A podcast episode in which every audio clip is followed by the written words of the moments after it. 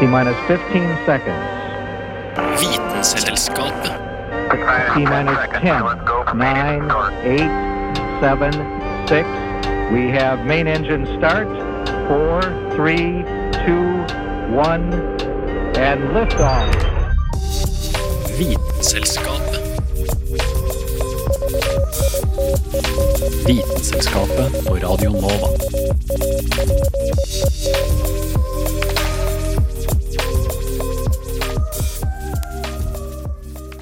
Vi i Vitenselskapet har lagd radio siden 2012. Det er ganske lenge i en studenttilværelse, men Vitenselskapet har faktisk bare eksistert i 16% av Radionovas levetid. Og ser man mot selve radioteknologien, har vi bare lagd populærvitenskap i 5% av radioapparatets levetid, som kanskje egentlig er ganske lenge.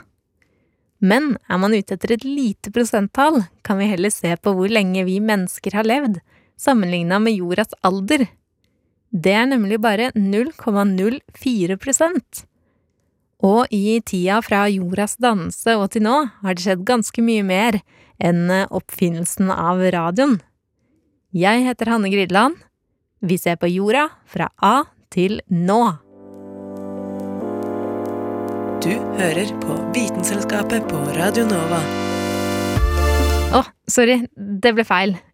Hvis vi skal begynne fra begynnelsen, så må vi gjøre det riktig.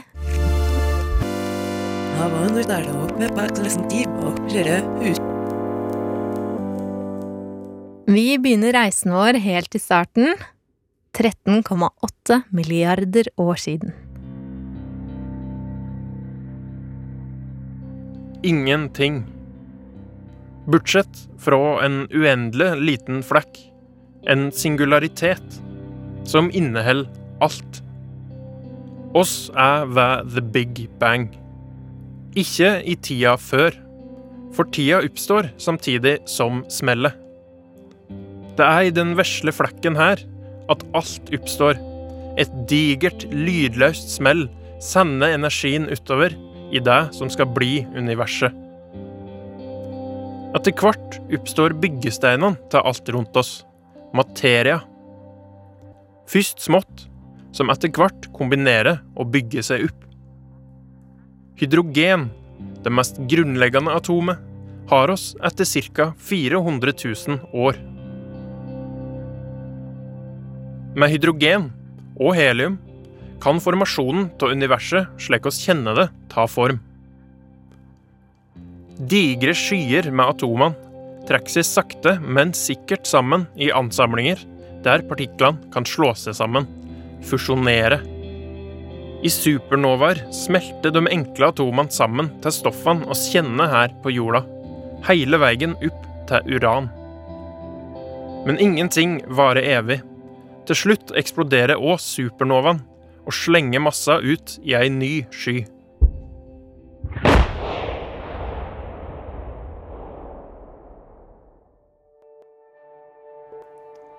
En av disse skyene som svever rundt i universet, har spesiell betydning for oss. I midten kollapser skya raskt til et nytt fusjonskraftverk, sola vår. Lenger ut i skya klarer materien å unngå å bli sugd inn i midten, og forme seg til mer eller mindre stabile klumper, planetene. Nummer tre fra sola samler seg over ti millioner år til en varm smelteklump. Den blir ferdig fire og et hardt milliarder år sia. Jorda er født.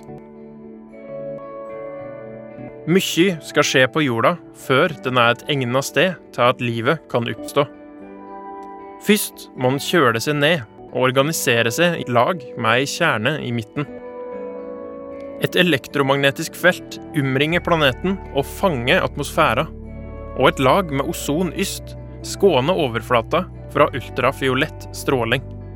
Etter hvert som jorda kjøler seg ned, får oss skyer med vassdamp, som regner ned og blir til havene.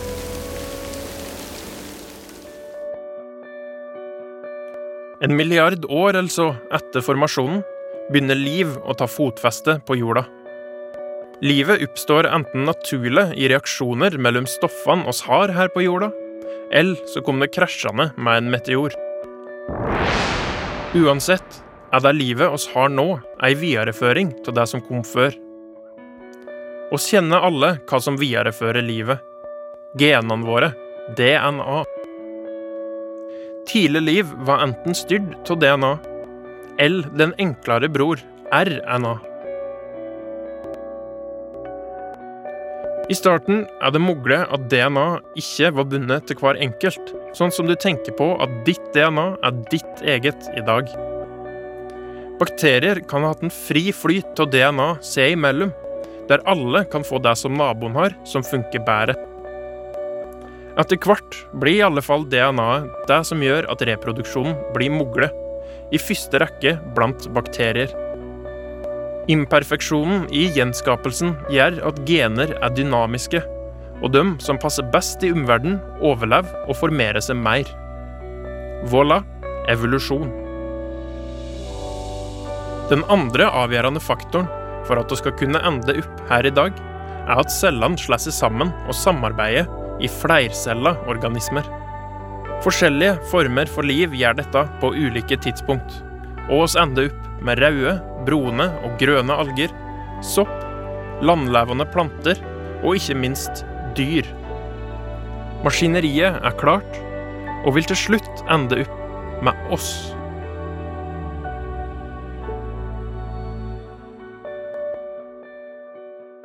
Han som kom seg gjennom ti milliarder år i racerfart, heter Carl Adams Kvam.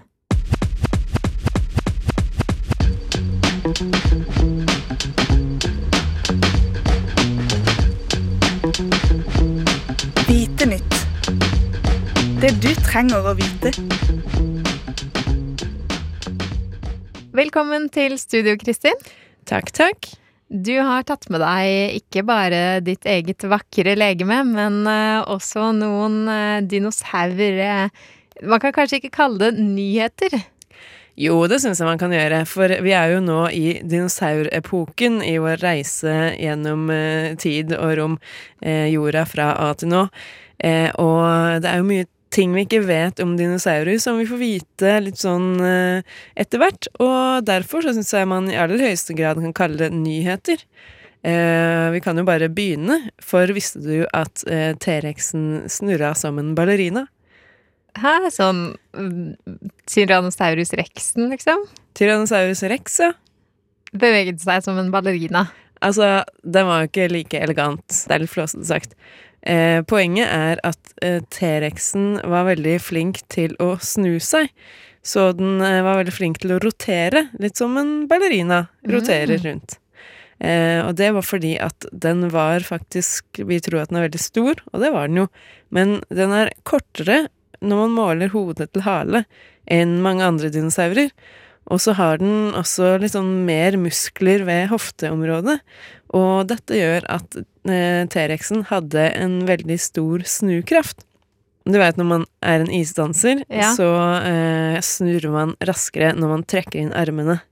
Hvis du tar en piruett. Så hvis du har armen ut, så snurrer du litt sakte, og så går det raskere, raskere, raskere jo, jo tettere liksom eh, kroppsdelene er til kroppen, da. Eh, det, er, det er det samme som eh, er med T-rexen sin kropp. At den eh, rett og slett er liksom litt sånn kort og kompakt med muskler som gjør at den kan snu. Eh, og de hadde jo, de forskerne har lagd noen rekonstruksjoner eh, på dataen, da, hvor man eh, gjør eh, beregninger om hvor raskt den kan snu hvis man legger på litt muskler der, og forandrer litt på størrelsen og så videre. Og da hadde de sammenligna med ganske mange dinosaurer, og funnet ut at eh, T-rexen er Den er eh, kjempeflink til å snu seg. Eh, det er kanskje ikke så innlysende, men det har ganske mye å si for hvordan vi tenker at den angrep andre, og for så vidt også kunne forsvare seg selv, da. Selv om, litt, selv om den er flink til å snu seg, så er den jo gigantisk, så det tar ganske lang tid. Så hvis den er skikkelig stor, og den jager deg, så bør du løpe bak den. Fordi du kan visstnok eh, rekke både å gjespe og se på klokka før den har klart å snu seg hele veien rundt. Eh, med mindre da selvfølgelig det er snakk om en ganske liten T-rex. Fordi da eh, er du screwed uansett. Da får vi håpe at det er en stor T-rex som angriper, og så skal jeg huske på tipset ditt eh, neste gang jeg blir eh, utsatt for et eh, Tyrannosaurus rex-angrep, Kristin. Ja, jeg har også en annen liten nyhet, og denne er litt mer eh, eggrelatert. For vi har jo det gamle 'hva kom først, høna eller egget'? Eh, men selvfølgelig, eh, dinosaurene kom jo før hønene, så derfor så er spørsmålet litt ugyldig.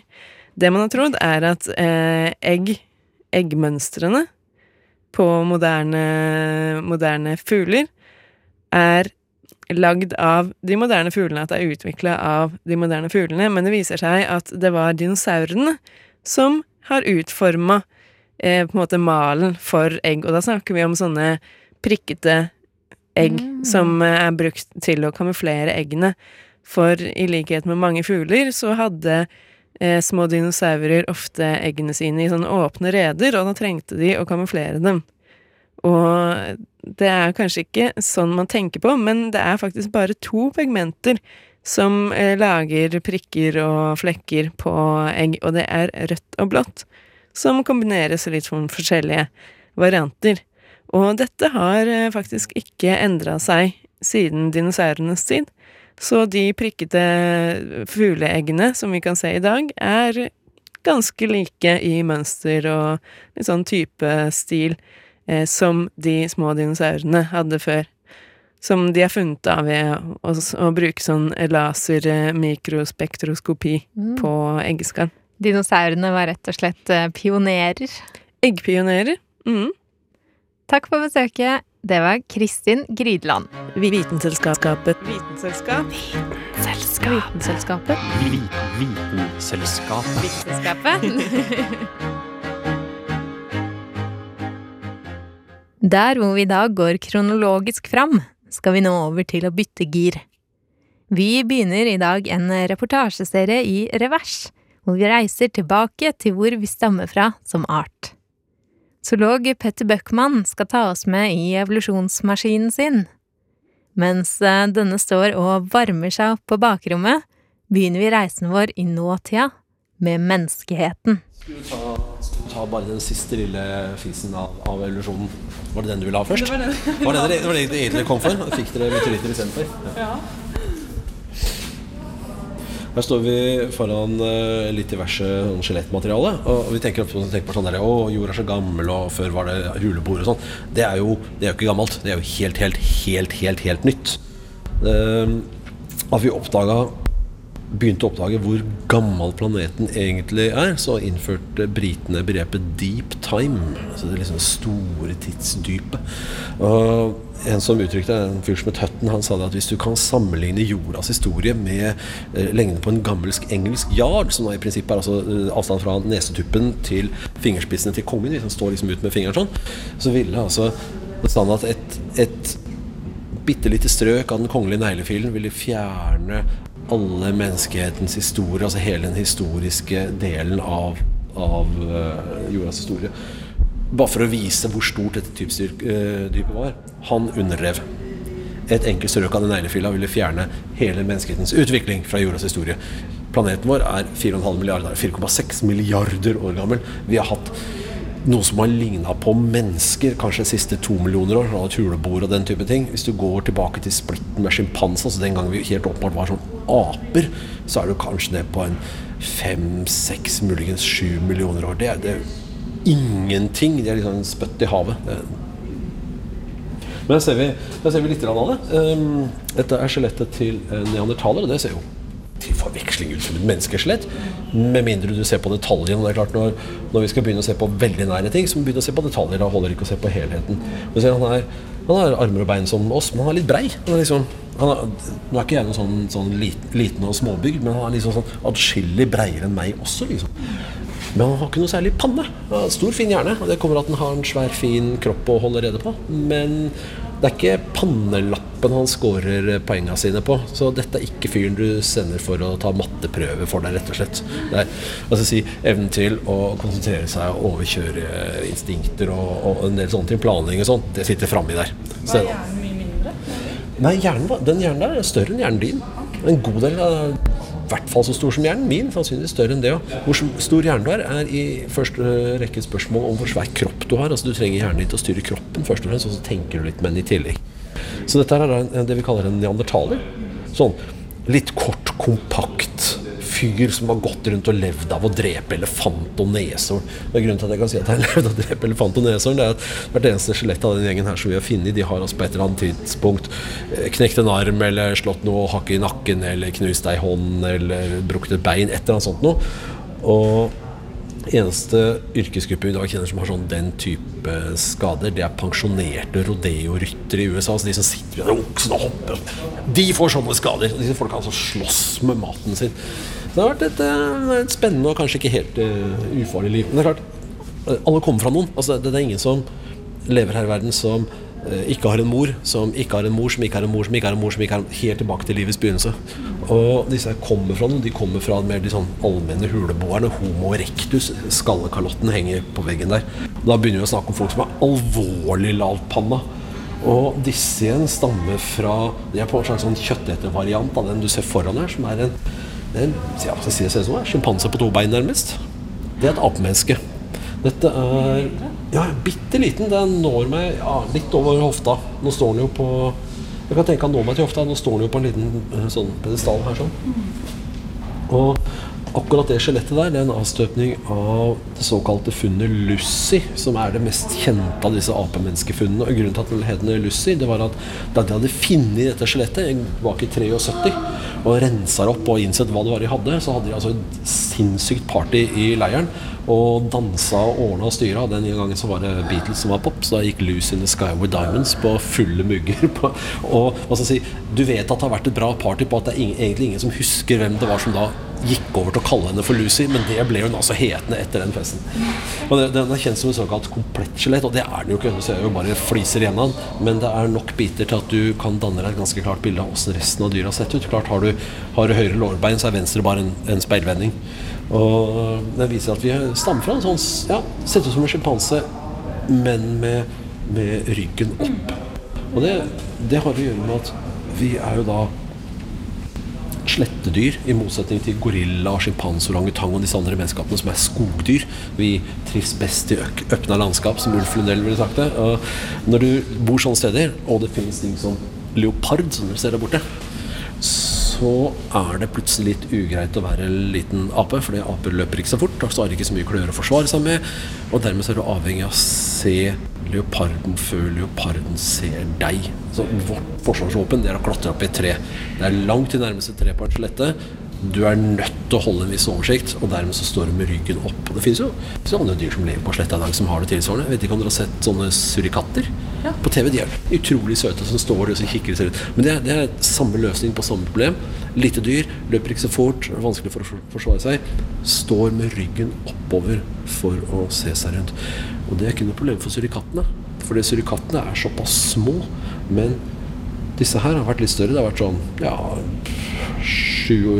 fem-seks-sjuåring-size på dem. Og når du blir såpass stor, så begynner innvollene å veie litt. Da. Og da blir de liggende oppi den der hoftehistorien som er foran deg. Den er sånn skålforma, og så er det et høl i bånn av den skålen. Der skal det jo både tiss og unger ut. Og det er jo litt teit å ha et hull i bånn av den skåla. Av og til så får jeg argumentasjon av typen 'Å, vi er så fantastisk konstruert, og det må være en lur design'. Nei, det må det overhodet ikke. Dette er en dustekonstruksjon. Det er et høl i bånn av den skåla som holder igjen innvollene våre. Hadde vi vært godt konstruert, så hadde vi hatt glidelås. Og det som er greia her, er at fordi det hølet må være så lite som mulig, så blir unga våre så forferdelig hjelpeløse. Fordi de kan ikke være ferdige når de kommer ut. Og så blir barndommen lang, og så må vi begynne å hjelpe hverandre. Og det, det å stå på to er det som på en måte har, sparka i gang sånn det som vi tenker på som typisk menneskelig. Det er liksom å danne familier og holde sammen i par og alt det styret. Det er disse folka her sin feil. Denne reportasjen ble lagd av Birgit Ski og Dag Løvold Magnussen, og er basert på utstillingen Livets tre på Naturhistorisk museum. Hæla i taket med Vitenselskapet.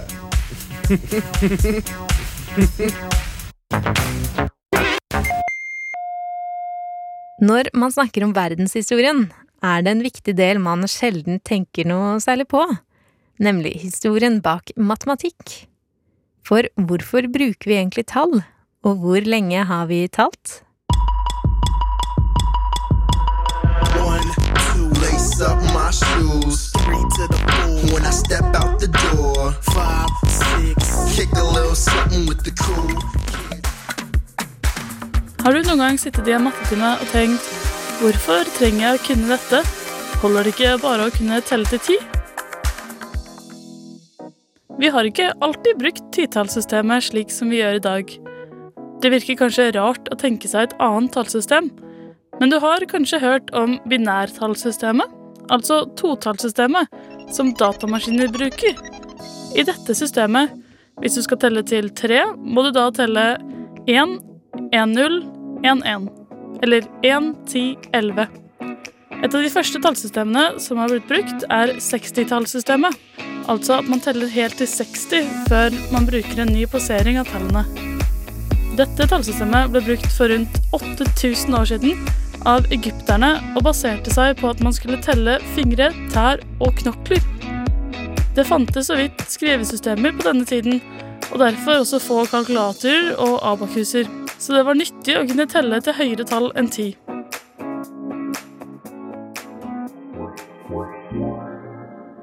Så kommer vi til det spørsmålet du sikkert har tenkt mye på i kjedelige mattetimer. Hvorfor trenger vi egentlig matte? La oss se på hva de trengte matte til for noen tusen år siden, eller enda tidligere.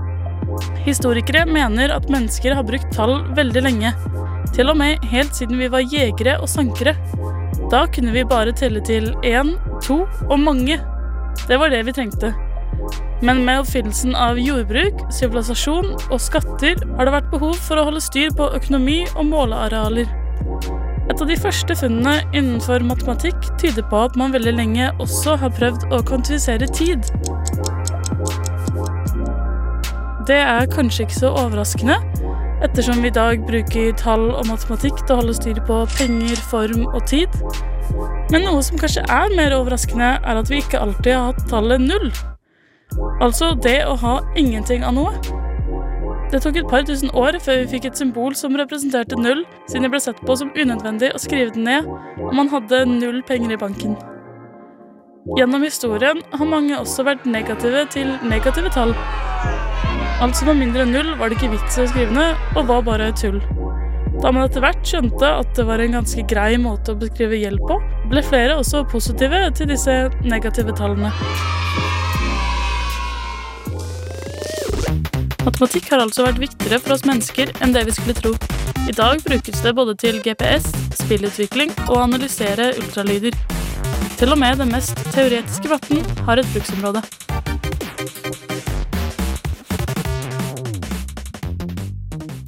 I dag bruker vi matematikk kanskje enda mer enn før, uten å tenke over det. Selv om du slipper å gjøre utregningene, er det heftige matematiske algoritmer som står bak alt du gjør på internett, og når du hører på oss på radio, er det sinus- og kosinusbølger som går inn i ørene dine.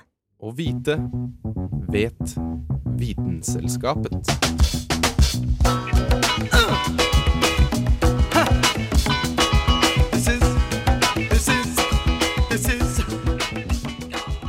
Denne sendinga har prøvd å gi et kort sammendrag av hvordan verden har utvikla seg fra A til nå. Men når vi ser tilbake i tid, er det lettere å se hvilke hendelser som hadde dramatiske konsekvenser for planeten og for oss mennesker. Hvilke oppfinnelser kommer til å prege verden framover? Har vi allerede funnet opp teknologier som kommer til å endre verden drastisk? Det er det umulig for oss å vite, men vi har en god kandidat i genteknologien. Ved hjelp av teknologier som for eksempel CRISPR-Cas9 har vi nemlig muligheten til å endre alt liv på et grunnleggende nivå. Og det er noe som kan endre fremtida for alltid. For omtrent 30 år siden drev noen vitenskapsmenn og forska på immunsystemet til bakterier. Det høres kanskje rart ut for oss, siden vi er vant til at vårt immunforsvar beskytter oss mot bakterier. Men det viser seg at også bakterieceller må beskytte seg mot virus.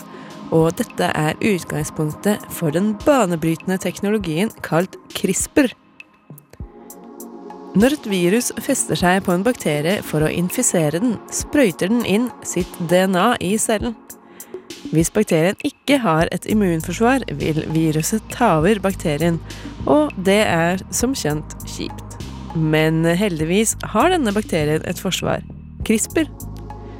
Nærmere bestemt proteiner som CRISPR-systemet produserer. Vi kaller dem Cas-enzymer, og den mest kjente av disse er Cas9.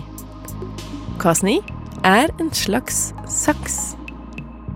Det vil si at den er laget sånn at hvis et virus kommer inn i cellen, fester Cas9 seg på virus-DNA-et og klipper det i to.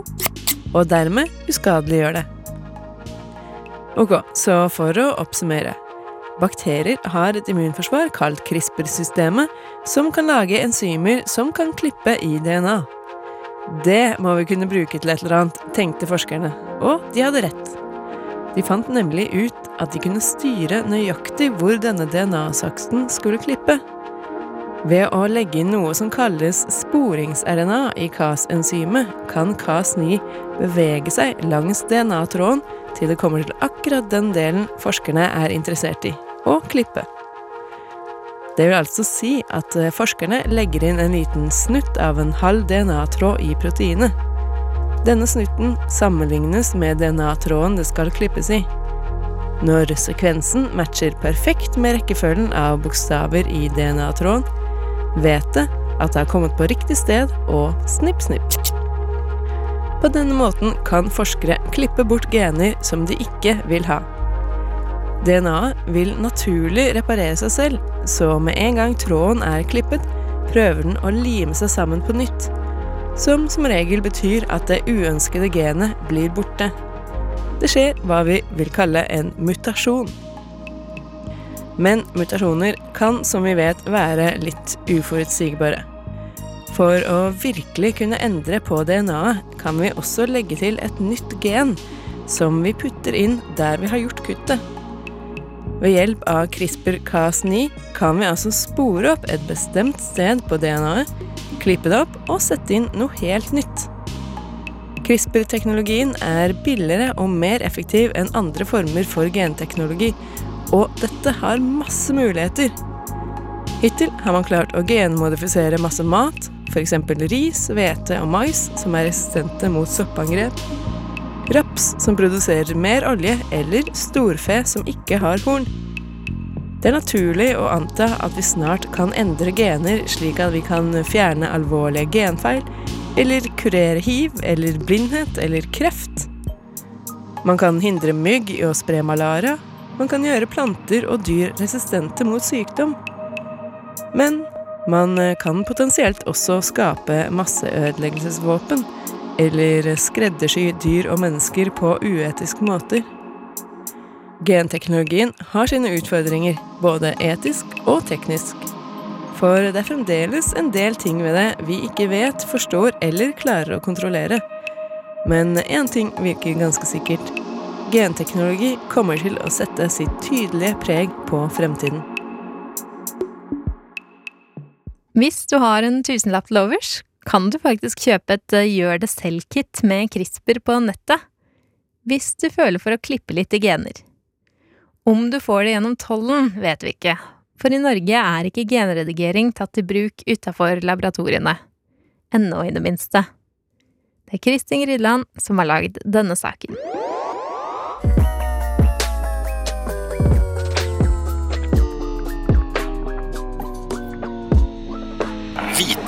Vitenselskapet.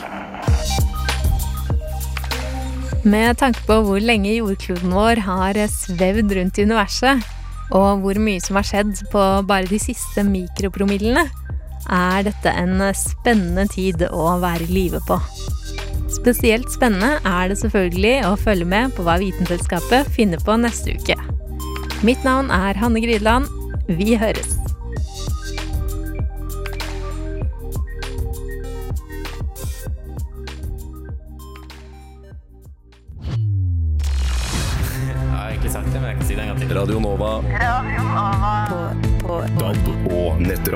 radionova.no. Jeg har egentlig sagt det, men jeg kan si det en gang til. Radio Nova.